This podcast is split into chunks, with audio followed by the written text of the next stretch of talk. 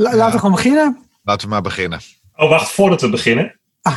Ehm, nemen we dit op eh, in kleur en maken we het later zwart-wit? Of doen we het gelijk in zwart-wit? In zwart-wit. Ah, De, audio- de, de audio bedoel je? zo, het duurde even. Nice man.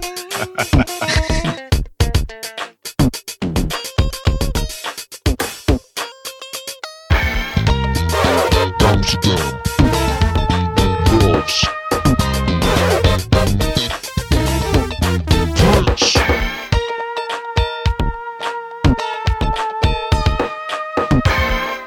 Podcast nummer 8 van Amsterdam Loves Prince. Welkom Menno en Adam. Yo, yo, yo. Phil, hello Phil, hallo Menno. Hallo, eh, de podcast nummer 8 dus. eh, Parade. Met als eh, mooie ondertitel Music from the Motion Picture Under the Cherry Moon. Ja, wat een plaat. Ja, ik wilde nog beginnen met, met het gedichtje wat Christopher Tracy in de film eh een van de dingetjes schrijft. Namelijk, goodness will guide me when love is inside me. Until then, life's a parade.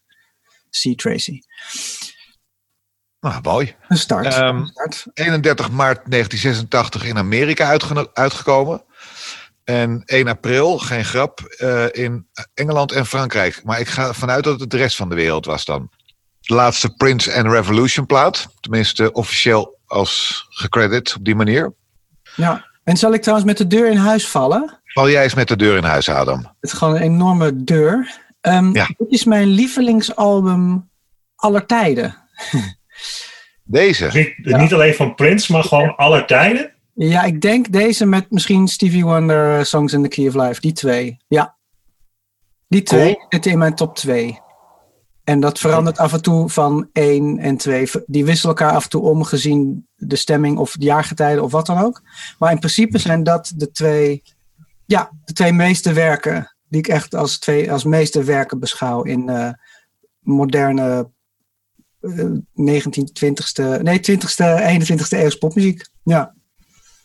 Dus dat is een enorme wheel, wheel, wheel van mij, zeg maar.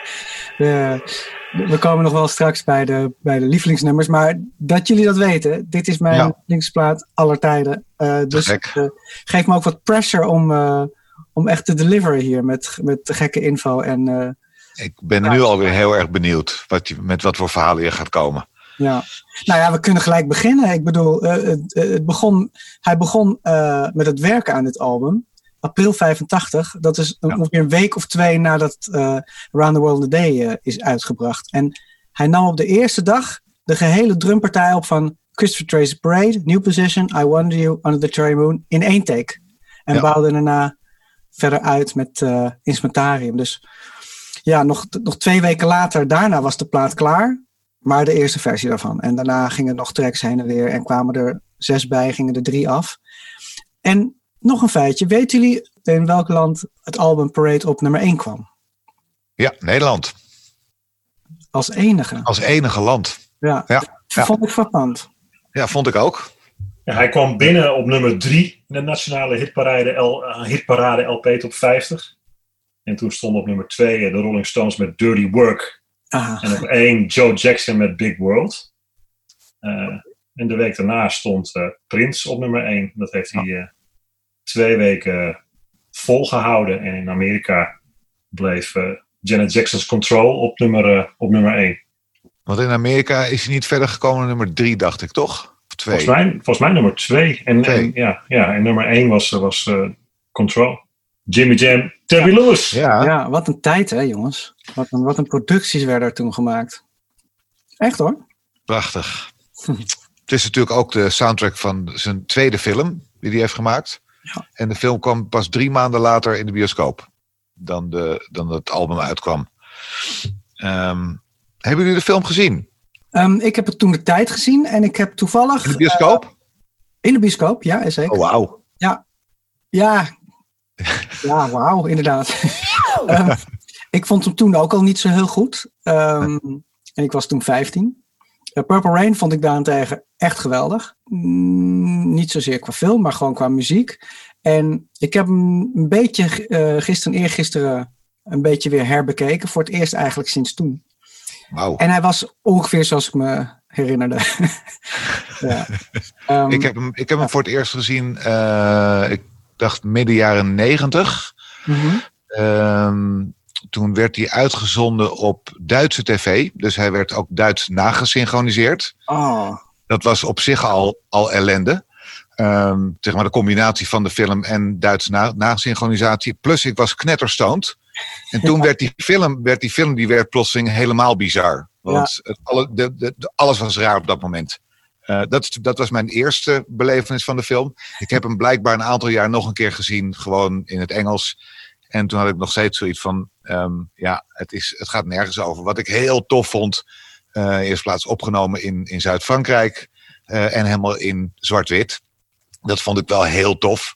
Mhm. Verder vond ik er niks aan. Ja, de muziek natuurlijk, maar dat stond er los van. Nou, maar ik moet wel zeggen, nu ik hem weer nog een keer gezien heb. Ze, ze hebben wel een aantal nummers van eh, Parade. Ja, veel nummers, bijna alle nummers van Parade zitten in de film. Maar er zitten ook een paar versies met eh, de orchestratie erin. Wat die weer niet op de plaats. Dus hij gebruikt een aantal nummers ehm, van het album die hij stript op het album. En dan volledig orchestraal eh, met Claire Fisher. Weet jij toevallig of er ergens die, die, die score, echt de, de muziek uit de film, of die ergens beschikbaar is gekomen? Want die is namelijk echt te gek. Zoals eh, Christopher Tracy's Parade, die loopt als een soort rode draad door de film. In allerlei versies. Dat is prachtig mooi. mhm. Eh, Maar ik, ik heb het nog nooit ergens, nee, eh, ben er nog nooit ergens tegengekomen, zeg maar. bel me een keertje. Ik- Doen we. bel hem, Straks. bel hem. Ben Die aan de ene keer dat je hem belt, bel hem dan een keer. Ga ik doen. Ja, ik, ja. Heb de film, ik heb de film pas eh, afgelopen week gekeken. En, vertel. Eh, Ja, toen was het stil. Ja. Ik, ik sta met mijn mond vol tanden. Nee, ehm, ik, ik vond het. eh, de film heeft zo zijn momenten. Laat ik positief beginnen. Eh, het zwart-wit zag er, eh, vond ik er heel mooi uitzien.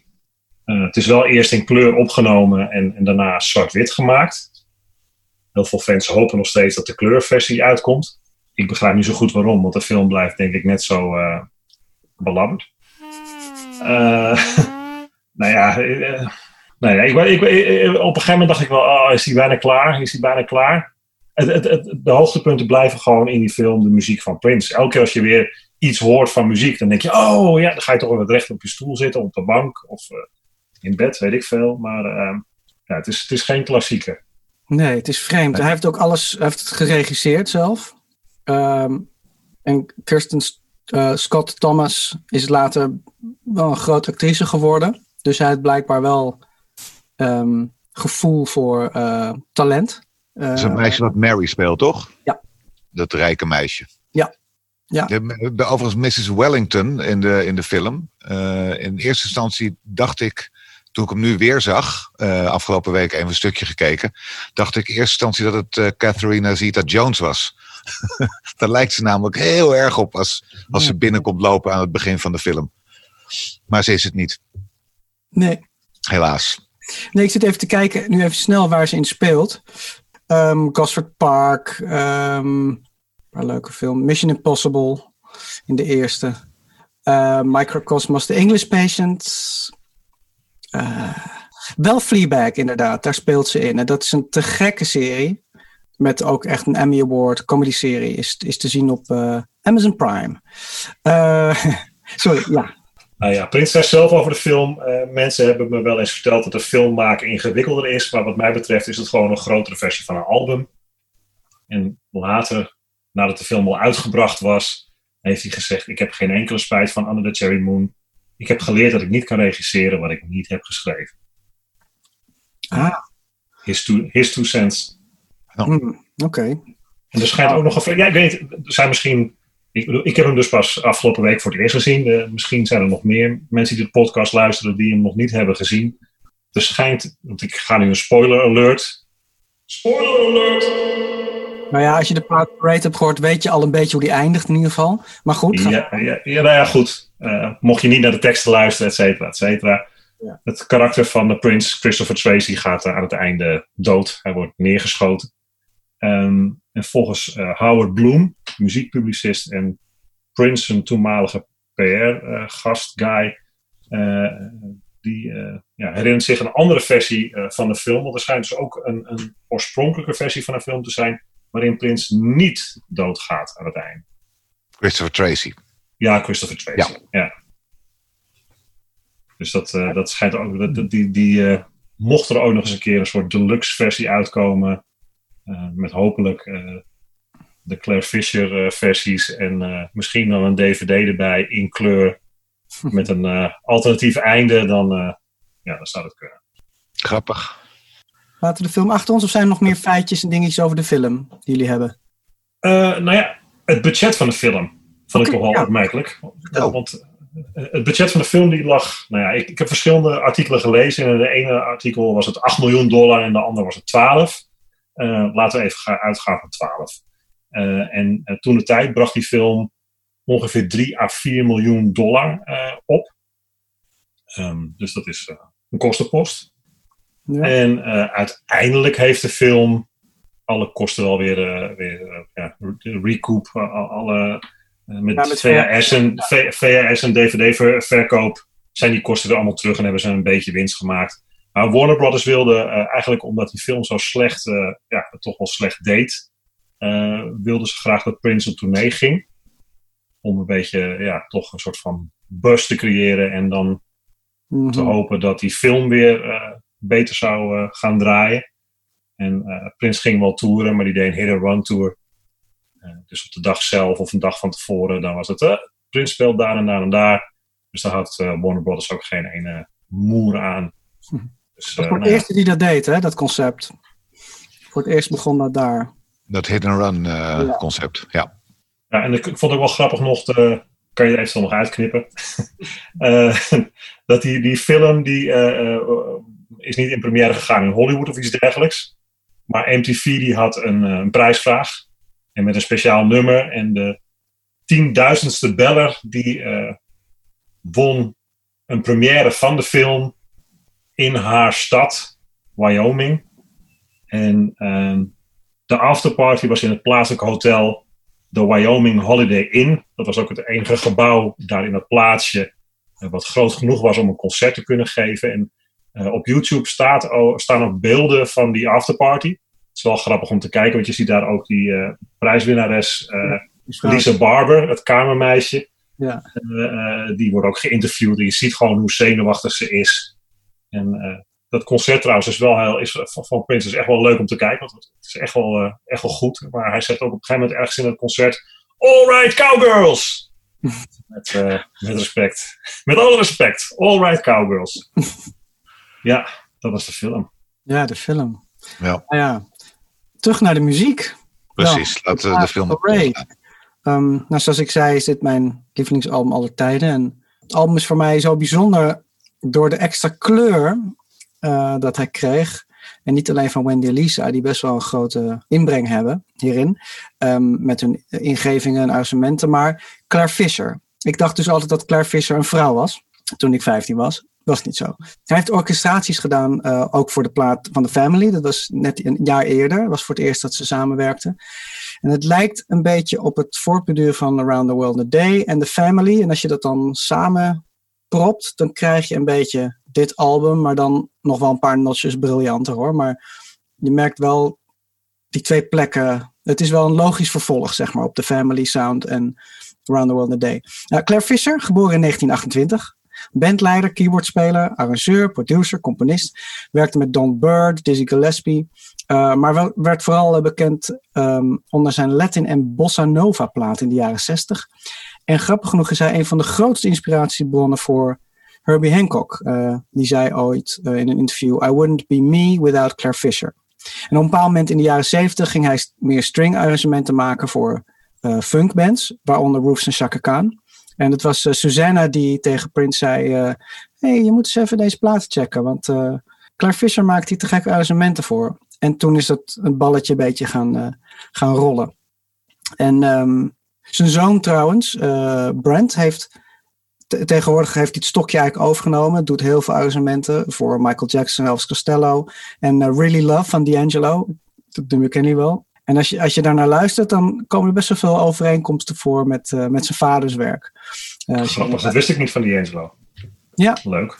Ja, dus hij heeft behalve Jesse Johnson erbij gehaald van, eh, van, van de Prince Camp. Eh, en natuurlijk, je hoort aan D'Angelo natuurlijk dat hij dit, deze plaat grijs gedraaid heeft. En echt als een soort blueprint print gebruikt heeft voor zijn werk eh, na Brown Sugar eigenlijk. Zeker. Ja, ik hoorde ook heel erg dat toen ik dit album ging luisteren, hoorde ik ook wel waar eh, Maxwell de mosterd vandaan gehaald had. Oké, Naast, naast Kate Bush, want dat doet hij dan ook. eh, Maxwell haalt heel erg van Kate Bush. Mhm. Maar ik had bij bepaalde nummers toch ook wel zoiets van, oh, zo'n soort vanzelfde gevoel erin zitten, wat Maxwell ook wel Hmm, oproept eh, met zijn nummers. Oké. Ja, ik zal het weer een keer opzetten. Lang niet gedaan, Maxwell. Ja, Maxwell is natuurlijk ook zijn tourmanager en manager Alan Leeds. Dat is ook wel misschien eh, ja, grappig. Maar het begon dus, hij stuurde hem een cassettetape, Prince dus, stuurde Claire een cassettetape op. Ze hadden elkaar nooit ontmoet, allemaal via de post. En op die tape stond, stond The Marx Brothers Project. En ehm, vroeg hem eh, om arrangementen te schrijven en op te nemen. En dat deed hij met zijn vaste engineer Arne Frager in de Monterey Sound Studios in Glendale. En van elk nummer, behalve Kiss, heeft hij arrangementen gemaakt, maar niet alle nummers hebben die plaat gemaakt, eh, gehaald. We hebben natuurlijk wel dus die film gezien en daar zitten ze wel allemaal in. En ehm, de zoon, eh, Brent, waar ik het over had, hij vertelde dat hij elk nummer die, eh, dat hij kreeg op het bandje ehm, uitschreef. Dus hij schreef precies op van oké, daar hoor ik een basnootje dit. En eh, dus eh, ja, dat heet uitschrijven van muziek. Dus alle partijen die ze hadden gekregen, elk pingeltje, pianopartij, eh koebel, alles schreef hij op.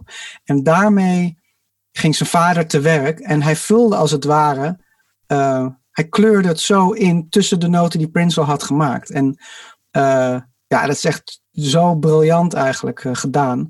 Ik kan het eigenlijk ook met niks vergelijken, zeg maar. Met, met ook niet wat Prince gedaan heeft, daarvoor of daarna. Ehm, Claire Fisher heeft deze plaat voor mij, wat mij betreft, eh, dat extra gegeven, wat, wat, waardoor het dus echt voor mij de beste plaat ooit is. Afijn. Ehm het andere grappige ding, Claire en Prince hebben elkaar nooit ontmoet. Hij wist niet eens hoe hij eruit zag. En hij wilde het graag zo houden. En er is een verhaal van, eh, van Brent dat ze op een musical board show, ik weet, ik weet niet meer welke, waar Claire had daar arrangement voor gemaakt. Het was eh, met Prince en Beyoncé toen. Die hebben jullie vast wel een keer gezien. Het is een soort medley, maar het begint met een ballad. En Claire had daar arrangementen voor gemaakt.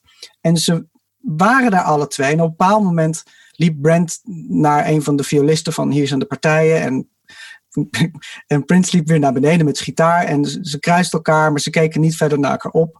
En Brent had, die had dat helemaal gezien. En die dacht, oh ja, dat is wel grappig. Van, eh, zal ik nu zeggen dat ze elkaar... Nee, ik ga het niet doen. En later op die avond hebben ze naast elkaar gezeten. En toen heeft Brent het ook maar gewoon zo gelaten. Ik ga hem niet voorstellen. En ehm, ja, die had een afspraak gemaakt. Ik wil niet weten, Prince wilde niet weten hoe hij eruit zag. Hij wilde gewoon een beeld van hem, van zijn inkleuring en zijn arrangement in zijn hoofd hebben. En niet, nou, niet een persoonsgebonden uh, visie van hem. En um, ja, hij wilde het wel, maar het is niet, het is niet gebeurd. Het is, een afspraak was puur op noten gebaseerd, zeg maar. En ze, en ze bleven het samenwerken tot, uh, tot hij niet meer ging. Dus in 2005 heeft hij voor het laatst een arrangement gemaakt voor Prince voor Te Amo Corazon. Maar die bespreken we in aflevering 31. um, ja, en, en nog een ander grappig, grappig uh, feitje van, uh, van Claire. Dat vertelde Arne in een interview. Dat ze hun uh, opnames, was altijd heel specifiek, hadden ze een idee. Arne is dus de engineer van het geheel. En ze hadden heel duidelijk een idee van zo willen we het laten klinken. Dus zij stuurde altijd een twee-sporen mix aan Prince. Want ze wilden niet dat Prince de orchestratie anders ging laten klinken. Of de, weet je wel, uh, de, de violen harder of de fluiten zachter, whatever. Twee tracks, dit is het. Je kan het eronder zetten, gewoon op de timecode. Of niet.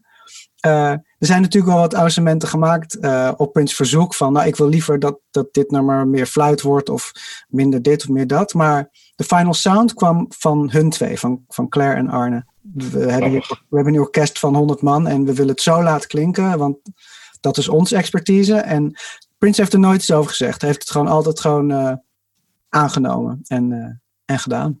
Grappig. Hetzelfde de, de, de Hitchcock manier. Hitchcock, die, uh, zijn filmbazen, die wil natuurlijk altijd uh, zodat ik er zo lang mogelijk een take, want dan konden ze het zelf nog editen zoals ze wilden. En Hitchcock ging expres zo kort mogelijk de take aanleveren, zodat er niks meer veranderd kon worden. Dit is een beetje hetzelfde, hetzelfde principe. Zelfs hoe wij het ook doen. Gewoon super strak. En, ja, jij zit niet nog uren ons gelul te knippen. Gelukkig. Nee. Susan Rogers zei trouwens, uh, die, heel, die bijna alles geëngineerd heeft, zei ooit um, over het geluid van de plaat, zeg maar. He liked a very clean and punchy drum sound with a lot of attack. We take a kick drum and pull all the mid range out of it, very similar to heavy metal kick drums. He liked a very prominent hi hat and claps to be low pitched, fat and sustained. En dat is eigenlijk door de hele plaat te horen. En ik bedoel, voor mij, als ik hem nu weer luister, ik heb van begin tot eind weer geluisterd, ik vind het griezelig bijna, zeg maar, hoe goed ik het vind. Zeg maar, als je deze plaat nu 35 jaar later zou uitbrengen, zou het nog steeds ik bedoel, het klinkt zo verschrikkelijk goed en er zit zoveel in uh, qua composities en arrangementen en, en alles. Ik vind het best wel, ik vind het best wel crazy eigenlijk. Als ik er weer naar luister. Hadden jullie zo, wat, wat was jullie overal gevoel? Hadden jullie dat? Of? Ik heb uh, overal gevoel, uh, het is een beetje dubbel. Uh, het heeft ook te maken met dat Sometimes It Snows in April erop staat. En dat is mm -hmm. voor mij nog steeds, we zijn nu ruim vier jaar later dat hij is overleden mm nog steeds een track die ik niet kan horen. Okay. Dus ik heb, dat, is, dat, dat, speelt allemaal samen bij dit album. Plus er staat Kiss op en daar heb ik hele goede herinneringen aan. Um, dus, um, en qua, qua feel, um, hetzelfde als bij Purple Rain. Ik vind het niet een soundtrack. Het is gewoon een Prince album. Mm -hmm. Met te gekke tracks, ja. te gekke tunes. Dus uh, ik, ik, ik, ik hoor wat je zegt. Ik deel ook wat je, wat je zegt over die orchestratie en alles. Dat is absoluut waar. Um, maar voor mij is het niet het, het album van Prince. Dus um, nee, dat was overigens, dat is al geweest eigenlijk. ja. Was, welk was Purple Rain? Dat was 1999. Oh, Oké, okay, ja, ja. ja want dat was mijn, zeg maar, mijn echte kennismaking met Prince. Dus dat blijft voor mij altijd de beste plaat. Ja. En dus dan moeten we even terug in de tijd om weer Wee Wee Wee te doen bij deze. ja. ja. ik kon er, ik kon er uh, eigenlijk net zoals uh, Around the World in a Day, kon ik, kon ik er niet echt inkomen in het album. In hmm. eerste instantie. Bij Around the World in a Day veranderde het gevoel heel snel. En hier uh, veranderde dat gevoel voor mij niet zo snel. Okay. En dat is ook de reden waarom ik die film heb opgezet. Omdat ik dacht, misschien voel ik hem dan meer. En toen ik de film gezien had, toen uh, had ik wel het idee dat ik het album beter begreep. Ik weet ook nog dat ik het opzette voor de eerste keer deze week en dat ik heel erg een, een, een soort jazzgevoel erbij kreeg. En uh, toen ik de film keek um, en later artikelen ging lezen, toen dacht ik, oh ja. Ja, je ziet bijvoorbeeld ergens een scène in de film, zie je heel prominent een Miles Davis uh, album uh, staan. You're Under Arrest uit 1985. En toen ik ook artikelen ging lezen, toen, toen nou ja, schijnt hij gezegd te hebben dat hij heel erg geïnspireerd was door uh, jazzmuziek uh, bij het maken van het album. En door het album um, Treasure van de Cocteau Twins uit 1984. Oh ja? En um, Grappig. Dat, heb, dat heb, ik heb ik geluisterd. En uh, of hij nou wel of niet door, door is geïnspireerd, begrijp ik wel dat als dat zo gezegd wordt, dat dat, dat, ik begrijp het wel. De, de, soort, de, de, de ritmes, het bepaald soort geluid, uh, hoor ik er toch wel in terug. Ja, ik, ik heb ook wel in het verleden ooit een keer een interview gehoord of gelezen dat um, nou ja, als er nieuwe bandleden bij Prince kwamen, Sheila E., dan ging hij heel erg naar Latin muziek luisteren. En Eric Leeds kwam natuurlijk bij dit album erbij. En die heeft hem heel veel jaren 60 platen, jaren 60 jazzplaten laten horen. Dus, dus dat, ja, ik, ik heb het gevoel dat ik het wel terug hoor. Cool. Maar het is niet, het is niet uh, daarom bleef ik denk ik ook zo angstvallig stil. Het is voor mij niet het, uh, het, uh, het, beste album ooit. Maar gelukkig is dat dan natuurlijk altijd subjectief. Ja, muziek is een subjective ja. artform. Uiteraard. ja, maar wel leuk. Ik vind het ook wel, wel leuk om te... Ja, toch? Ja. Grappig. Ik vind het ook leuk dat, je, dat het jouw favoriete album ever is. Dat vind ik... ja, mooi. Hey, e-, even een paar, een paar uh, kleine dingetjes. Ik, heb, ik zag ergens staan dat er zes engineers op het album hebben meegewerkt. Dat vind ik nogal veel. Ja. Dat kan, dat is helemaal niet zo gek. Want als je op, op zes verschillende studio's opneemt in anderhalf jaar, dan zitten er gewoon engineers bij de studio waar ze bij zijn, zeg maar. En hij heeft wel natuurlijk met Susan Rogers en weer met Peggy McCreary het meest gewerkt. Maar er zal vast wel het moment zijn dat... eh, Voor bepaalde dingen. Nou, volgens, mij is het ook zo, volgens mij is het ook zo dat toen hij dit album opnam, eh, dat hij in drie studio's tegelijkertijd eh, aan het opnemen was. Volgens mij Maserati in één studio, nou, zijn eigen album in een studio en ik ben even kwijt eh, wat er in de andere studio werd, werd opgenomen. Hij was vast Misschien- ook bezig met, met Sheila E. En hij was vast bezig met inderdaad met Maserati. En bezig, ja. Ja. Deed natuurlijk van alles eh, tegelijk. Dus En misschien alles, ja, krijg je zo ook een soort stuivertje wisselen van engineers. eh. Dat zou ook helemaal kunnen. Ja. En er zijn eh, vier singles vanaf gehaald. Ja, best een boel, hè? Eh, eh, drie in Amerika. Kiss, Mountains en Another Lover Holding Your Head. En Girls and Boys alleen in Europa. Mhm. Opmerkelijk genoeg.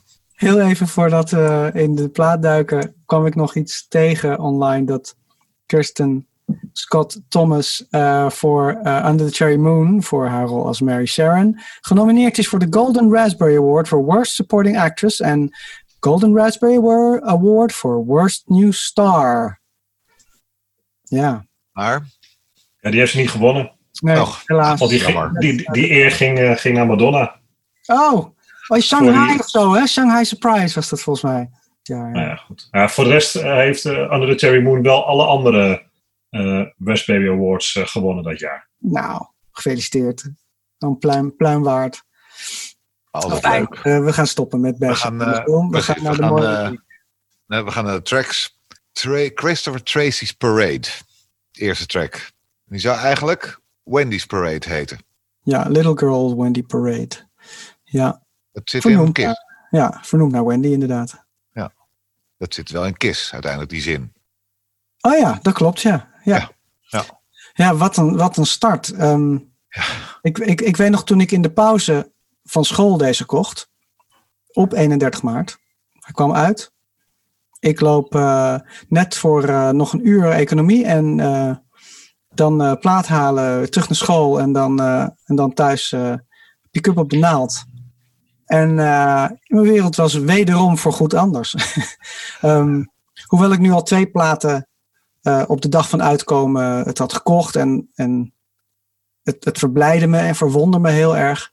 Was dit voor, nou, zoals ik al zei, dat de indruk was toen al gemaakt van eh, kleuren en arrangementen. En, en een beetje onbegrijpelijk ook, omdat er ook nog, zoals in dit nummer ook, super funky ook. Maar het, is, het is zo gelaagd en, en, en slim gedaan. Dus ik, door Claire. Eh, je hoort elke akoestische gitaarstrum, elke harde gated snare drum en clap en Wendy Lisa's vocalen en absurde blazers en violen die alle Stravinsky eh, overal doorheen kruist. Het is echt een adembenemend begin, wat mij betreft. Ja, Zit er ook een, een, een eh, soort van reversed effect op de drums, toch? ja dat is die gated, een gated reverb. Ja, dat, dat noemen ze een gated snare. Dus dan pak je de, het, het geluid, maak je een reverb van. Dus dat is een, een, een galm eigenlijk. Maar je laat de galm een soort, ehm, ja, eh, andersom klinken. Dat gebeurt niet officieel. Hij schuift een beetje op en komt in een van zachter naar harder. eh, ja, dus de, de reverb maak je dat het van hard naar zacht gaat. En dat laat je dan in een bepaald tempo gaan, zodat het lijkt als die snare die daarna komt een beetje erin gaat. Ik weet niet of ik het zo goed uitleg, eh, maar ehm, dat is de gated reverb snare, eh, of reverse snare, of gated snare. Ja, Heel, heel vet effect vind ik dat. Het is heel typerend ook voor deze plaat. Ja, Komt vaak terug, terug. eh, komt een paar keer terug, zeker. Ja, ja.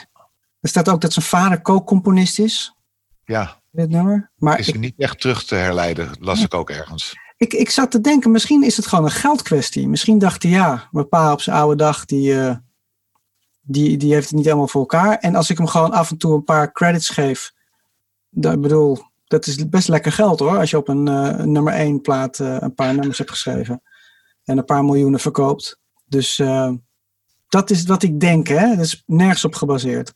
zou kunnen. Ja, die vader was ook bij de première aanwezig. Die, die schudt even de prijswinnares Het handje. Nou, er zit trouwens iets heel geks in. In, ehm, in heel zachtjes, op 1 minuut 37, hoor je ehm, een, ehm, een geluid.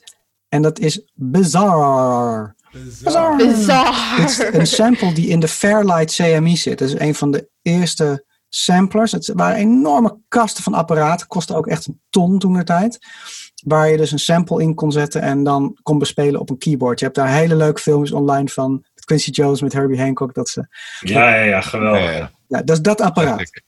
Daar zitten dus een aantal presets in. En een, daarvan- een van de presets heet Bizarre. En het is een sample van een nummer van Zappa.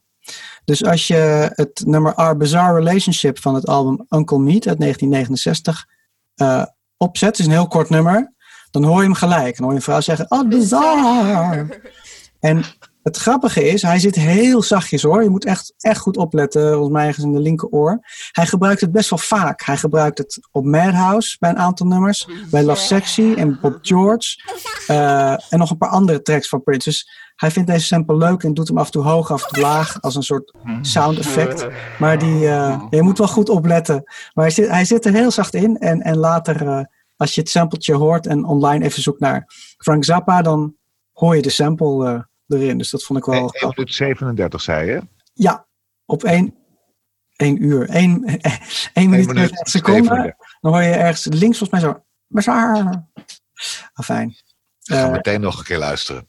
ja, nou ja, je zal hem, eh, als je de, hier niet helemaal hoort, je hoort hem zeker op Bob George, je hoort hem zeker op Love Sexy, je hoort hem zeker Madhouse uit mijn hoofd op nummer 9 en volgens mij ook op het eerste album zat ook nog een track. Dus ik vond het grappig. Ik, ik wist het niet, ik ben even ingedoken en eh, het is vrij duidelijk als je het origineel hoort.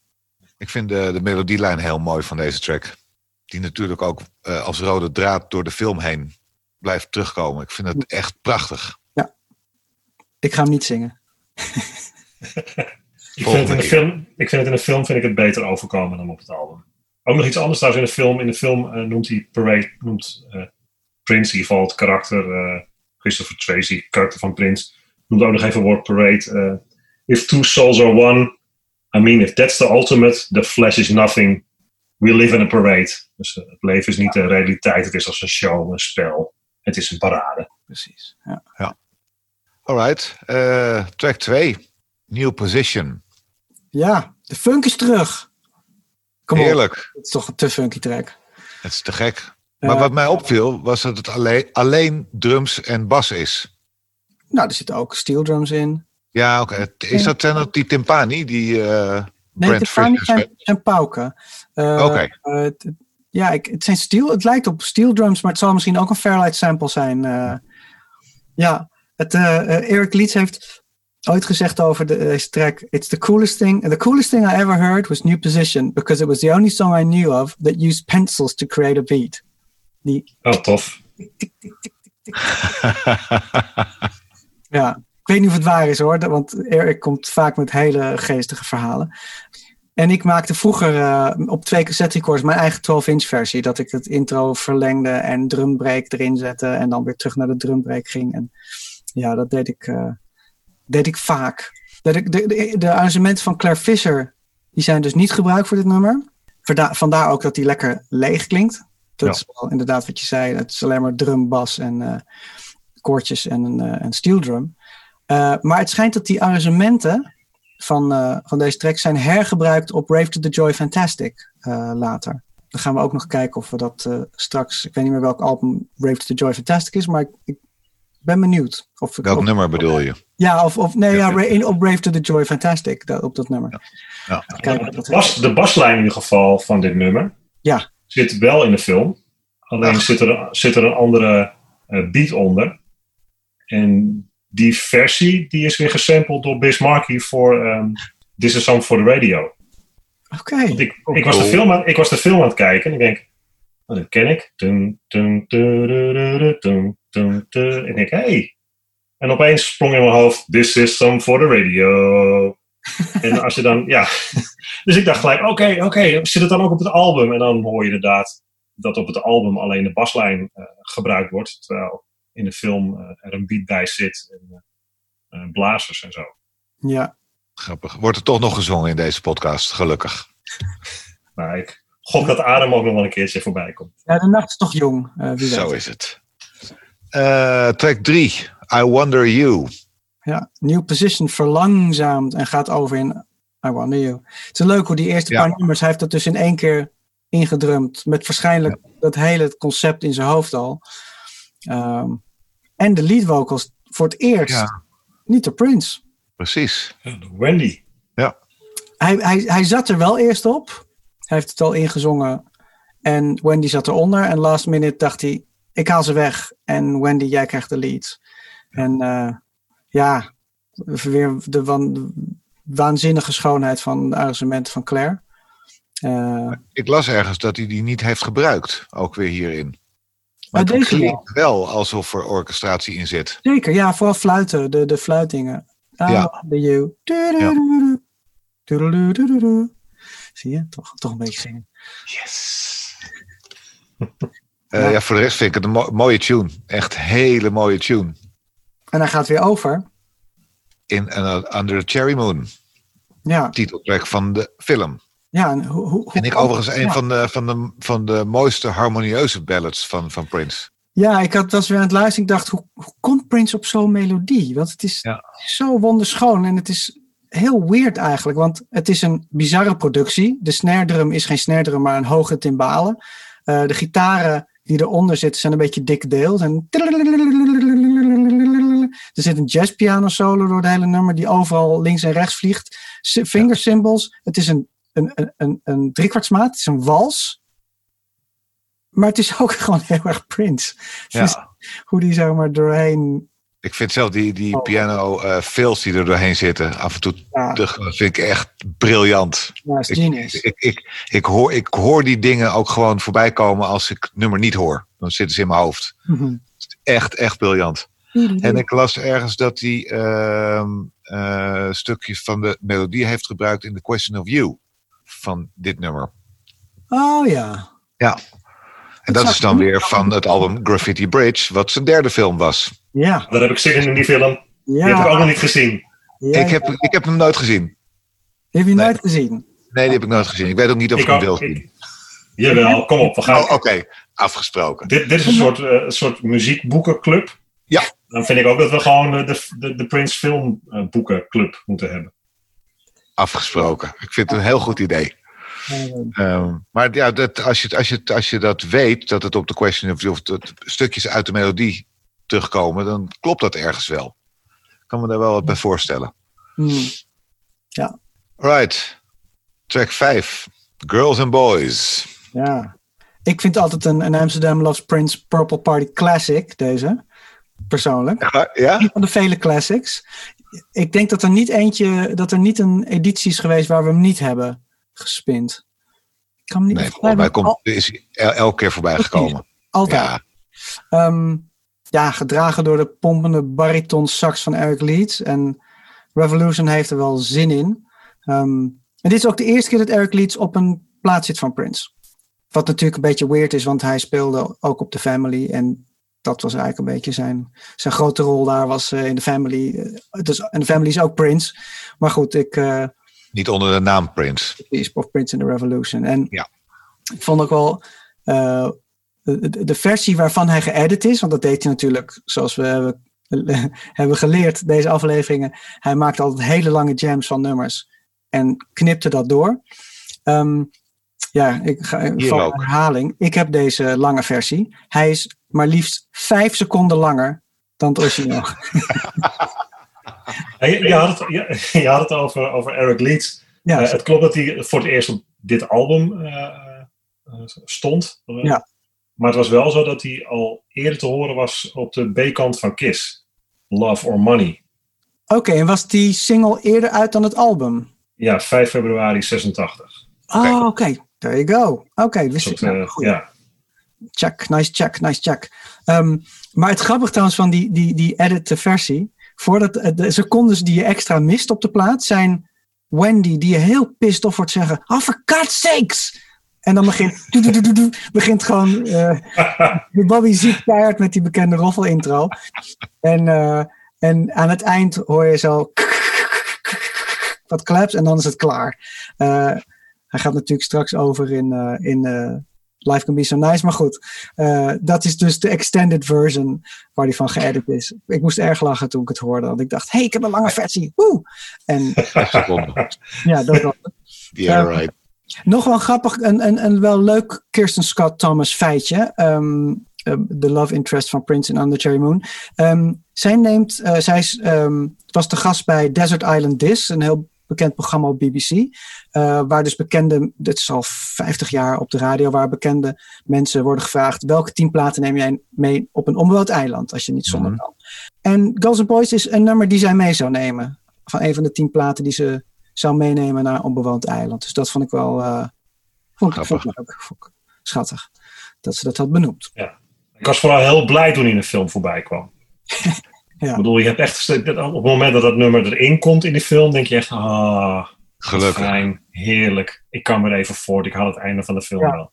Ja, ik bedoel, de muziek redt de film. eh, als er nog iets te redden viel.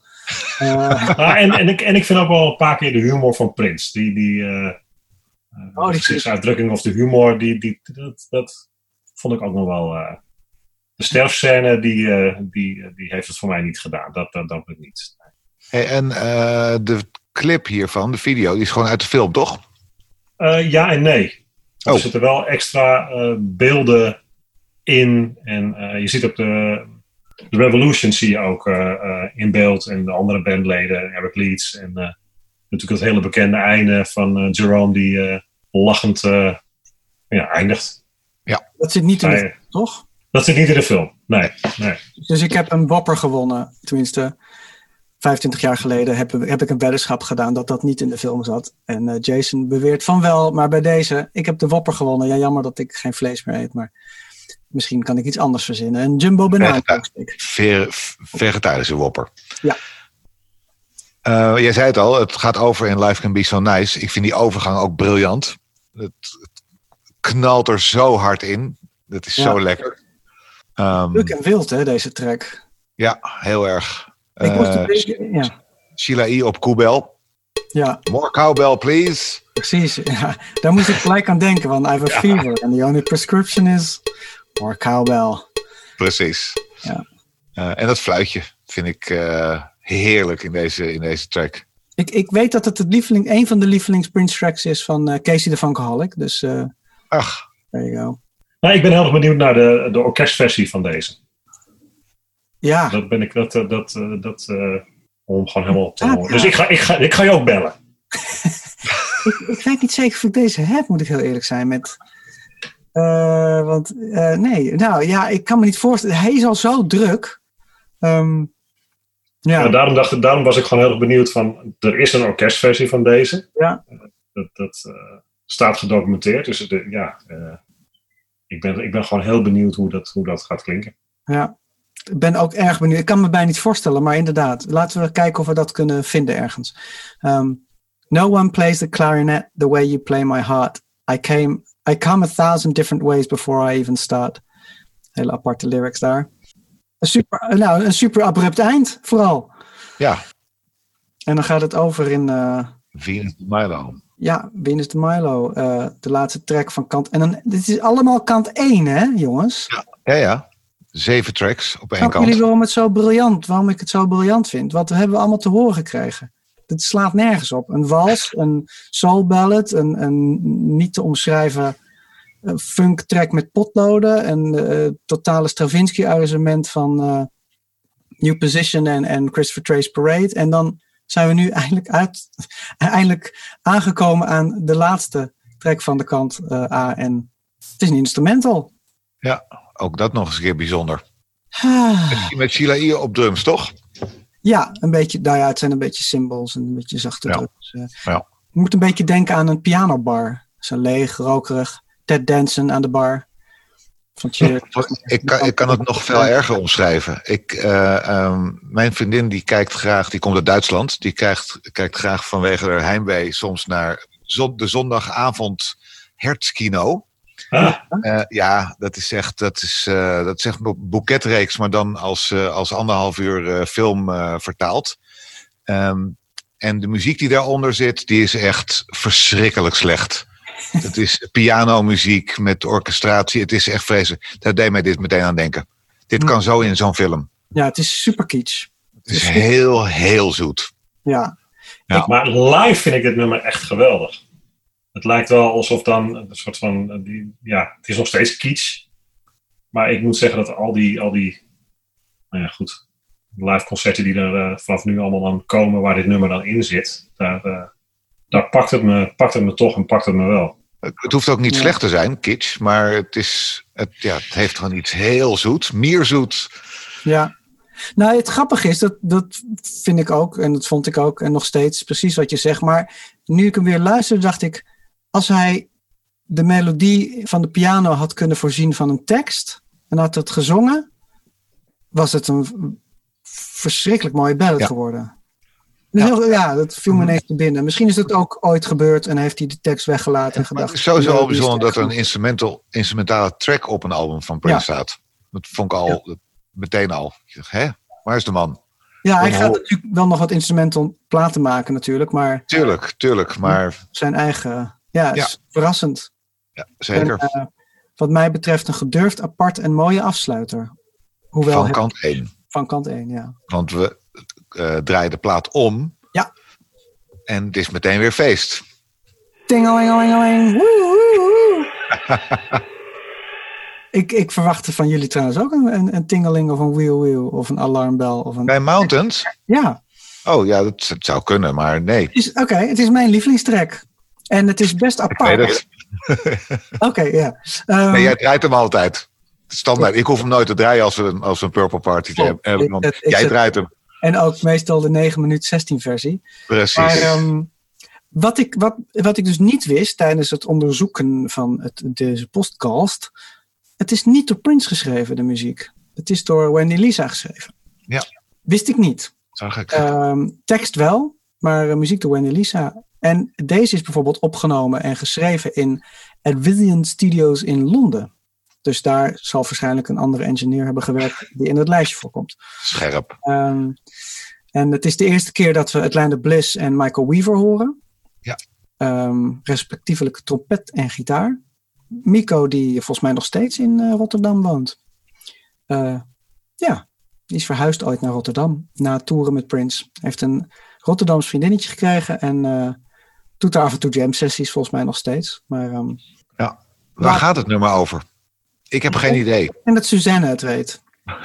Suzanne heeft het heel vaak gedeeld op social media, omdat zij de originele tekst heeft en heeft het gedeeld en heeft het uiteindelijk volgens mij zelfs eh, in de auction gezet.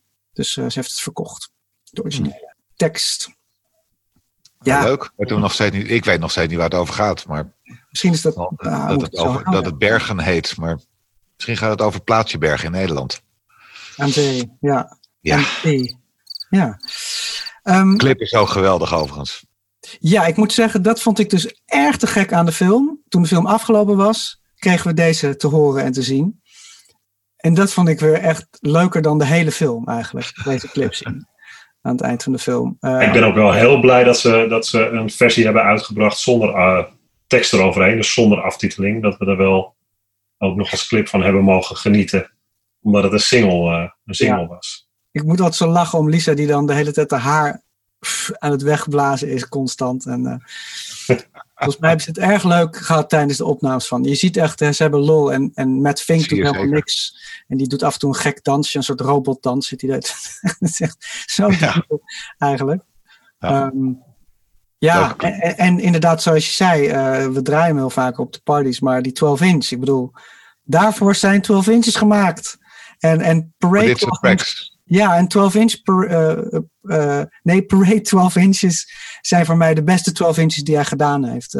Samen met die I Would Die For You, die van 10 minuten. Maar alle singles van het album, eh Minus Girls and Boys, die dus geen lange versie heeft, in ieder geval niet die langere versie, eh, zijn echt grandioos. Zijn gewoon een soort celebration van gewoon zijn, zijn, zijn muziek en zijn band en, en de, instrument, ja, de mensen, de musicians in zijn band.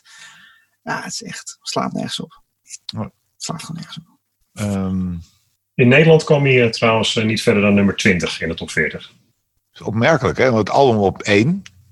Maar zo'n single als Mountains komt dan niet zo ver.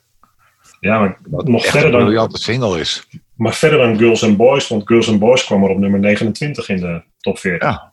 Ja. Prince was toch een albumman dan wat dat betreft. Denk ik sowieso hoor, als, je, als ik nu hardop aan het nadenken ben. Zijn albums hebben het eigenlijk altijd op een, ja, eigenlijk veel beter gedaan. Vooral in deze tijd. Nou, misschien wel altijd hè. Ik denk dat zijn Mensen, mensen zaten altijd te wachten op een nieuw album van Prince. En, en niet op een nieuwe track. Ja. Een nieuw liedje of iets. Want dat stond wel op het album. Ja. Ja. Misschien. Ja we, ja, we zullen het niet weten, maar ik denk dat er wel wat waarheid in zit. is ja. eh, onze, onze interpretatie. Ja. En een speciaal eh B-kantje. Alexa de Prix. oh ja. Even vergeten, ja. Volgende track op uh. Do You Lie? Prince goes to France and writes Ja, a musical. ja, Het komt er dan uit. zou dat, zou dat de connectie ook zijn? Waarom er een Franse, Frans intro aan zit? En dat het Fransachtig klinkt met door die accordeon. vet. Ja, die accordeon die er doorheen gaat. Nou, is heel Ja. vet gespeeld, hè, als je erop let. Is echt. Prachtig. Ja, Ik vind het sowieso een heel mooi liedje. ja het is een, ook weer zo'n apart ding van waar lijkt het op? Misschien dat ik daarom deze plaats zo tof vind. Je kan bij alles wel een beetje terughalen van oké, dit is een beetje funk en dit is een beetje disco en dit is een beetje rock en dit is een, een, een Amerikanen ballad. Maar Do You Lie, waar moet je dat mee vergelijken? Ik bedoel, Gewoon Fra- Fran- Franse, Franse chansons. Ja, een Je- dat is beetje, Gewoon heel maar- stereotyp zie je een eh, man met een alpino pet en een stokbrood onder zijn hand eh, lopen. precies. ja. Ja, Hij vond, het, hij vond het ook geweldig om naar, naar Frankrijk te gaan. Ik bedoel, ze hebben voor die film eh, zijn ze naar verschillende plekken geweest. Die film zou geloof ik eerst in Miami eh, opgenomen worden. En toen zijn ze toch verder gaan kijken naar andere locaties. En toen werd het eh, Nice. Eh, Prins ging ook allerlei eh, huizen van eh, klassieke componisten ging hij, ging hij bekijken. En, en hij was heel erg geïnspireerd door, eh, door Frankrijk. Dus Mhm. nou ja, dat, dat, misschien komt het daardoor. Want dit Ja. nummer is ook niet ver voor het album opgenomen. Niet een jaar of, of meer daarvoor. nee, volgens mij redelijk, redelijk ja, ja, iets daarvoor. Ja. Oh. Zeker. En, maar het grappige hoe het inderdaad musical- musicalesk en Frans is, maar heel funky wordt, gaat hij op een bepaald moment. eh, hij zingt het ook heel funky, dus dat is, dat is een grappige En juxtaposition. heel vrolijk, en heel vrolijk ook. En ehm, Jonathan Melvoin, de broer van Wendy, op drums in dit nummer. Jonathan, eh, helaas eh, te vroeg overleden aan een overdosis, ehm, was later de toetsenist van de Smashing Pumpkins. Wauw, Eh, dat was, wist ik niet. grappig. ja, hij heeft vrij lang bij ze gespeeld eh, en, en getoerd. Gek. Ja, Kiss, ja, wel een, een van de grootste hits van Prince. en de beste 12 inch aller tijden. Eh, de 12 Ja. inch is briljant. Ja. Echt briljant. Is dit, zingt hij hier weer falsetto overigens? Zeker. Ja, hè? Ja, Ja. Ik, dat wilde ik even verifiëren.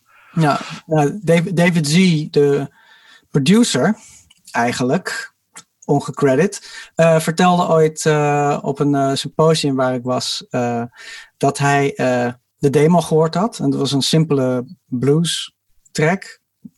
Echt, het lijkt er echt totaal niet op. Maar qualified Kiss bedoel jij? Kiss, ja. Qualified Kiss. Want dat Maar is, wacht even, dat, daar zit al gelijk, want die Qualified Kiss schijnt weer voor die akoestische demo te zitten. Mhm. Staat op YouTube staat ook, eh, kan je de akoestische demo eh, vinden. Dat is die bluesy versie Ja, die, eh, ja. waar, Adam het, waar Adam het over heeft. dan is Qualified Kiss nog daarvoor. Ja, en hij is dus eh, na die bluesver- bluesversie is hij naar eh, David C. en eh, Mark Brown gegaan. Ja, ja en, David, Z dacht van ja, een simpele blues track, mis mee mis. En Prince zei, ik wil hem opfunken op een of andere manier voor Maserati. Een band wat, hij, eh, wat Prince aan het produceren was als een soort side project. Dus David Z maakte de Lindrum eh, programma, Loop. En hij speelde wat akoestische gitaar in van de bluesakkoorden en liet dat triggeren met de hi-hat. En hij triggerde dat en zette daar een gate op. En dat betekent dus eigenlijk dat elke keer als je een hi-hat hoort, dat het kanaal van de gitaar open gaat en dan gelijk dicht gaat.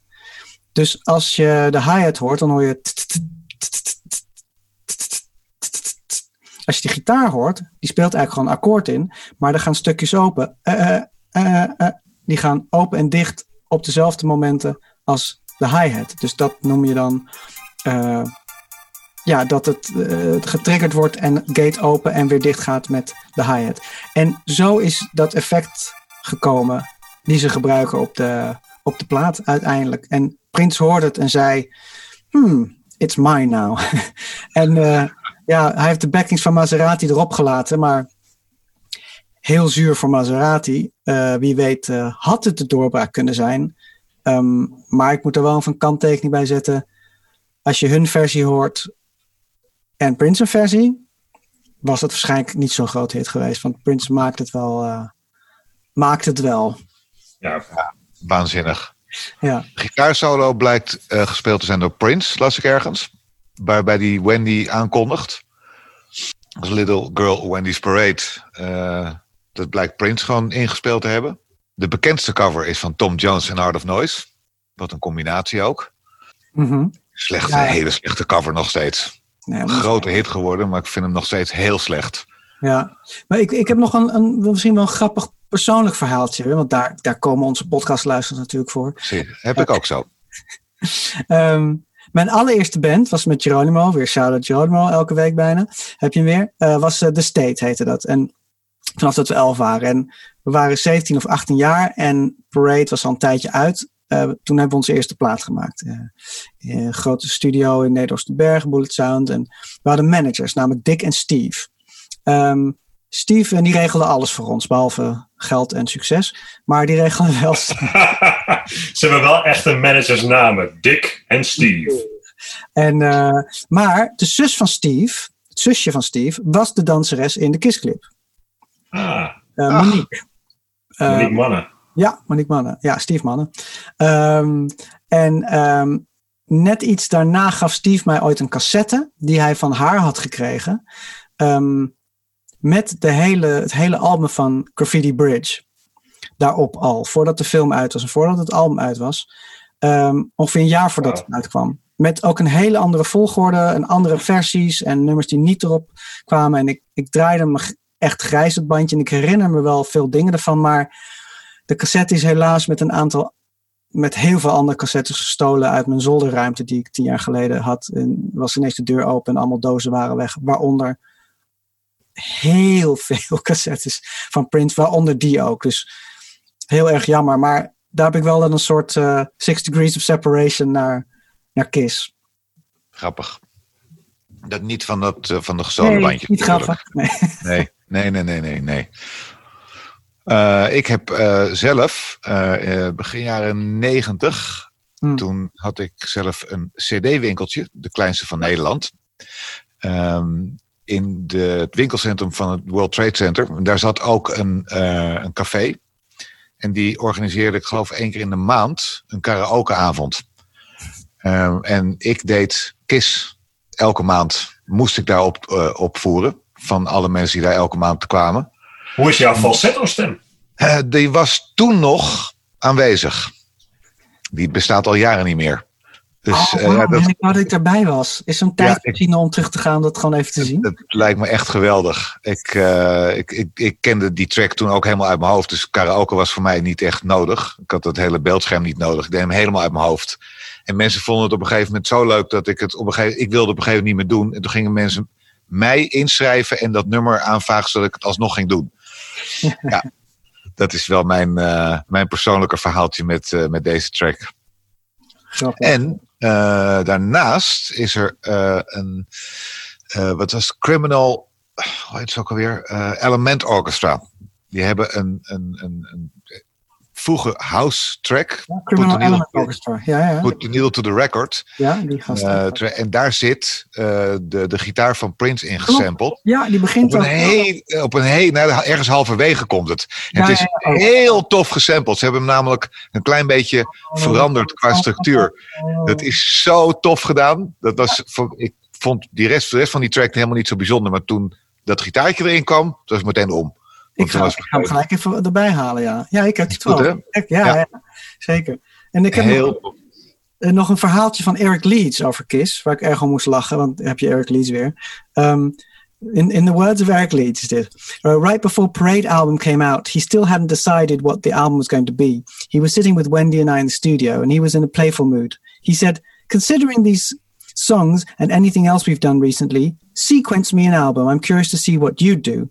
The first thing I took off the album was Kiss. I thought it was a nothing song. I didn't care for it then, and I still don't to this day. He didn't listen to me, so it shows what I know about pop music. Lekker. Het schijnt dat Prins ook wel even getwijfeld heeft over dit nummer. Of het wel of niet op het album zou moeten, moeten komen. Okay. Maar goed, toen hij het er helemaal op had, toen eh, wilde hij ook dat het een single werd. En Warner Brothers had zoiets van, nou, zullen we dat echt doen? En Prins heeft zijn poot stijf gehouden zoals hij altijd zijn poot stijf hield. En nou ja, toen werd het toch eh, een nummer één hit. Ja. Gelukkig maar. Ja. Dus in, in, in het buitenland, in Nederland, eh, kwam hij niet verder dan nummer twee. Alsnog. Ja, op nummer 1 stond toen eh, Cliff Richard met, en The Young Ones met eh, Living Doll. Oh, die ja. Ja, An instrumental break. Which instruments do you want us to break? okay. Um, ja, en Prince won er in 86 een Grammy Award mee voor de Best Rhythm and Blues Vocal Performance. Met Kiss natuurlijk. Ja, en je, je haalde Monique Manne al aan. De clip heeft inderdaad een Surinaams-Nederlands-Belgisch eh, tintje. Eh, Monique Manne is geboren in Suriname en opgegroeid in Nederland. En eh, ze zit ook in eh Coming to America trouwens, in die scène dat Eddie Murphy en Arsenio Hall als hun karakters dan uitgaan in een discotheek met al die dames aan tafel die voorbij komen. En dan is er een meisje die eh, aan het opscheppen is, in ieder geval allerlei dingen vertelt over, eh, ja, Yeah, actrice. in videos, but really I want to be my own star in the videos because I want to become a pop singer and a rock singer and write my own songs, produce my own songs. And then I'm going to try an actress because people tell me how talented I am. I'm a natural and stuff like that. So then I'm going to write my own stories and direct my own stories and, you know, and produce the movies. Arsenio Hall en Eddie Murphy, eh, Eddie Murphy die vallen daarbij eh, in, in slaap. Ja, ze was 21 jaar toen ze in de Kiss clip zat. En ze woonde toen in L.A.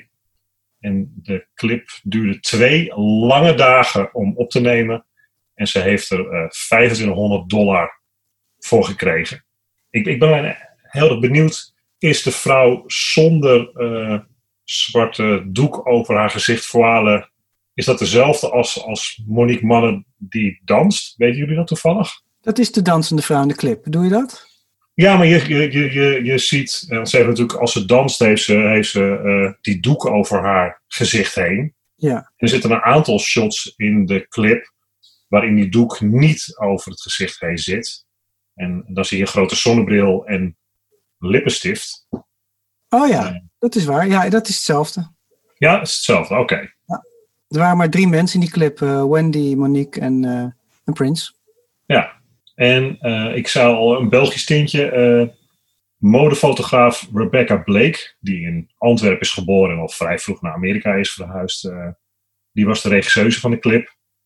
En Prins ontmoette haar tijdens een fotoshoot ehm, die Rebecca had met Sheila E.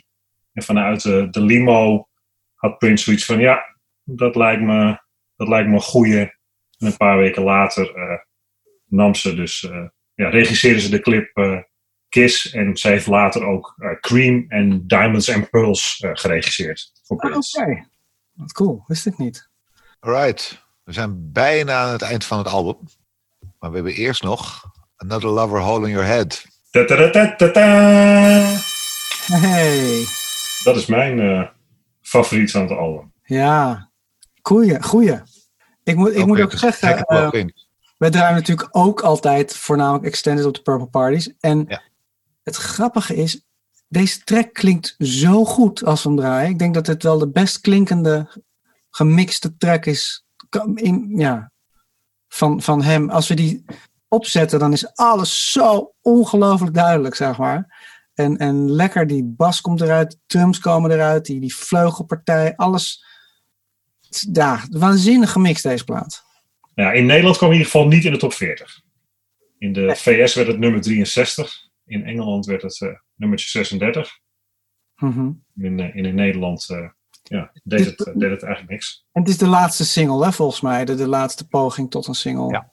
Volgens mij wel. 2 juli 86. Oh, ja. En eh, Girls and Boys als B-kantje voor Amerika. apart, apart. Maar dus dit is jouw lievelingsnummer nog bepaalde reden? Of het gewoon, dit raakt, dit vind je gewoon... Het, is- het, is, het is gewoon elke keer als, als, als ik, ik bedoel, ja, als ik dit nummer hoor, word ik al heel blij. En ook op het album, is het, ja, het, het springt er voor mij heel erg eh, eh, tussen, tussenuit. En ik vind gewoon de tekst ook heel tof. Ik vind gewoon dat zinnetje van, eh you need another lover like you need a hole in your head. Ja, Ik vind sowieso eh, de, de, de titel alleen al. Heb ik jaren over gedaan om hem uit te kunnen spreken. Het is natuurlijk volgens mij een speling op, op eh, Thank You For Letting Me Be Myself Again. Een slice ah, ja, ja, ja. ja. knipoog, denk ik. Waarin ook, waarin ook de, de, alle woorden aan elkaar geschreven zijn. Ja. Nou, de videoclip is van de Parade Tour. Detroit, 7 juni 86. De verjaardags, eh, ver- het verjaardagsoptreden. Zijn jullie bij de, waren jullie bij de Parade Tour misschien? eh, veel? Men, Nee. men nog Nee. niet? Veel ook niet, nee. Nee, ik Nee, al dat ik, dat ik in Israël heb gewoond. En eh, die plaat die kwam uit eh, twee maanden voordat, voordat ik naar Israël verhuisde. Oké, Dus ik heb eh Prince in die tijd nooit gezien. nee. Hey, ik, Daar ik- stond, hij stond in Ahoy, toch? Dat, Ja. met, met deze tour? Ja. Zeker, ja. Ik had een aantal vrienden die daar naartoe gingen. Eh, ik, mocht niet, ik mocht toen nog niet echt naar... Dat was ongeveer het eerste jaar dat ik naar grote mensenconcerten mocht met mijn vijfde jaar. De eerste was ook in 86, maar dat was niet Prince. Dat was eh, Sting. Met zijn eerste, eerste band met Branford Marsalis en, eh, en dat soort dingen. Eh Omar Hakim op drums, later Daft Punk. Maar goed, nee, dit is niet mijn eerste tour. Die kwam hierna. Maar ik, ik heb wel gehoord hoe, wat ik gemist heb. Ik heb dat van meerdere mensen gehoord wat ik gemist heb. Dat weet ik nog wel. Oké, komen we bij de laatste track. Ik voel hem Sometimes aankomen. Ja, The Snows in April. Dat is absoluut mijn favoriet. een hele, een hele treurige wee, wee, Ja, zeker. Ik, ik krijg zelfs een brok in mijn keel als ik de titel alleen al uitspreek. Oké. Nou, sometimes it snows in April. Ja. Eh, dat gebeurt ook wel eens in Minneapolis. En trouwens in de rest van de wereld. Ehm, deze is één dag voor de release van eh, Around the World in a Day opgenomen. Met, eh, zonder Claire Fisher dus, maar alleen met, met Wendy en Lisa eh, erin. En is er iets los van je connectie met zijn dood, wat het zo, vond je toen ook al zo geweldig? Ik vond toen ook al zo geweldig. En ik vond het in zijn live eh, concerten altijd geweldig als hij dit alleen op piano deed. Mhm. Dat, dat was een van de dingen die hij standaard in zijn, op zijn moment dat hij alleen de piano en de microfoon moment deed, was dit een van de, van de, van de tracks die hij deed. En dan, eh, dan hield ik het ook niet droog. Toen al niet. Hm. Dus eh, Hoe, Ja. sommige nummers. Dit is voor Ja. heel veel mensen heel herkenbaar. Het is apart hoe dat, eh, hoe dat ik, weet werkt. nog, ik weet nog dat ik met twee vrienden naar het concert in 90 Ja, die New Tour. Sorry, eh, 2000, eh, 2000, wat was het, 2002, 2003 ehm, in Ahoy. En toen zaten we ergens op de tribune en toen begon dit en we zaten alle drie te janken. Dus Ja. het is, Maar jullie zijn waarschijnlijk ook niet de enige, hè? Nee, nee, nee, vast niet. zo, Maar, dat is zo bizar van wat muziek kan doen. Hè? En eh, Ja. je kan er inderdaad. eh, en, en Prince heeft er een handje van om je te laten dansen en mee te zingen en te zweten. Maar ook de keerzijde. Ja. eh, nou, ja. tot, tot, tot deze plaat had ik dat dus nog niet. mhm. Wel dansen, heel veel, maar niet, niet deze emotie. Dat gebeurde echt bij, de- bij deze track. En er- er is ook iets met deze track. ehm, want hij heeft het denk ik ook niet bij andere nummers. Eh, ik denk dat dit echt een vrij bijzonder nummer in de popgeschiedenis is. Ik denk dat er weinig nummers zijn die zo, eh, zo'n emotie oproepen. En als ik het nu weer luister, want ik heb het heel lang niet opgezet, eh, viel me gelijk op hoe niet geacteerd Prince het, eh, het zingt. Want hoe je het went of keert als Prince een ballad doet, of, of het een Adore You is of een Do Me Baby, het is altijd een, het is altijd een soort van typetje. En het is wel Prince, maar uitvergroot in de entertainer of uitvergroot in de grote verleider of whatever. En Ja. ehm, nu naar hem luisterend, weer dacht ik, dit, is gewoon, dit zijn gewoon real emotions en het is niet geacteerd. En als hij het geacteerd heeft, is het echt waanzinnig goed gedaan. Maar ja, ik vond het dat heel, heel fragiel en heel eerlijk. Eh, misschien is dat ook wel de reden waarom het zo hard binnenkomt. Omdat, het- omdat het heel echt is. Ja. Overigens, eh, Nothing Compares to You is natuurlijk ook wel een, een, een hele echte track, vind ik. Eh, ja, Ballad, qua ballad van hem. oké. Ja, maar dat is, ja, is ook zo. Dat is echt een liefdesnummer waar je echt hoort... dit heeft hij voor Suzanne vrij duidelijk eh, geschreven. Dit nummer is meer een soort... eh, gewoon een soort eh, open brief aan...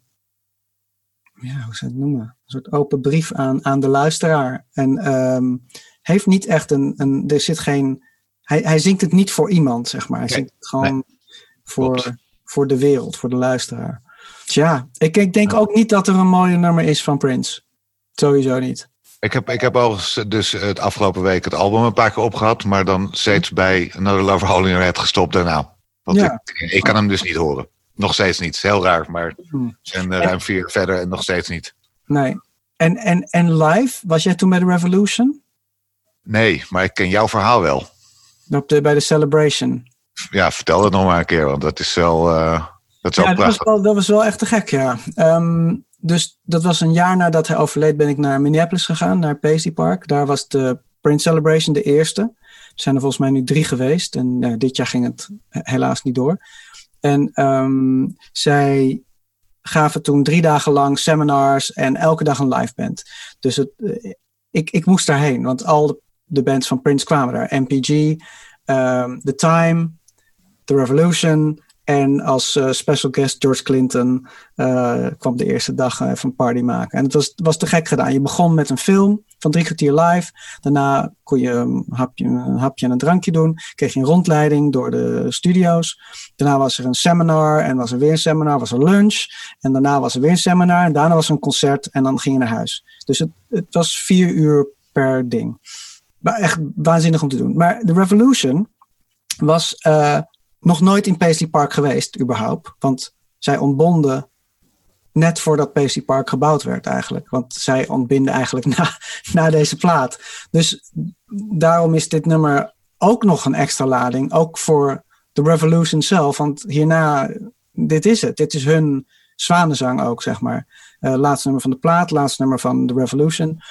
Afijn, ze waren daar, ehm, wat ze vertelde, wat eh, eh, Wendy toen vertelde, ze waren de hele dag, hadden ze ook een privé-tour gekregen en al die dingen van Purple Rain weer gezien en de studio. En het was voor hun heel heftig.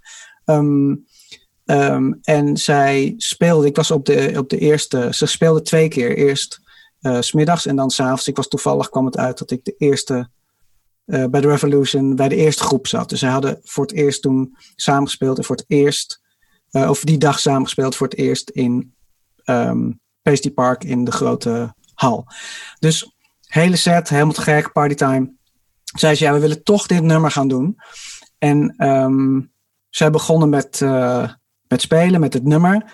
En het intro, dat duurde maar, dat duurde maar. En je zag gewoon, ze kon het gewoon niet zingen, zeg maar. We waren te geëmotioneerd. En ehm, op, dat was het mooie moment. Op een moment dacht ze, oké, nu ga ik hem zingen. Trace. En nou, ging niet. En, en tranen en zo. En op een moment ehm, begon het publiek dus een beetje, een beetje zo te, te borrelen van... Wendy, Wendy, come on Wendy, Wendy, yeah, you can do it. Sing it girl, sing it girl. En het was een soort, een, bijna een soort kerkelijk, uh, uh, een kerkdienst bijna. Zo'n gospel church, dat iedereen begon te staan op, want iedereen zat ook, of heel veel mensen zaten in ieder geval. Het is heel weird, maar iedereen begon te staan en te roepen en te roepen. En op een bepaald moment kwam het eruit en, en begon het nummer en iedereen naar eerste zin, traan, iedereen in tranen en uh, tamboerijn omhoog en Wendy! En zo uh, roepen, dat, ja, het is echt vrij bizar om dat daar, daar te zijn met, uh, ik denk dat het duizend man waren. Um, ja, dat was wel even een, even een dingetje. Toen hield ik het ook niet meer droog. En normaal hou ik het wel droog bij dit nummer. Maar dit was wel een, een, moment om niet te vergeten. Echt om niet te vergeten. Mooi verhaal. Ja. Dank je.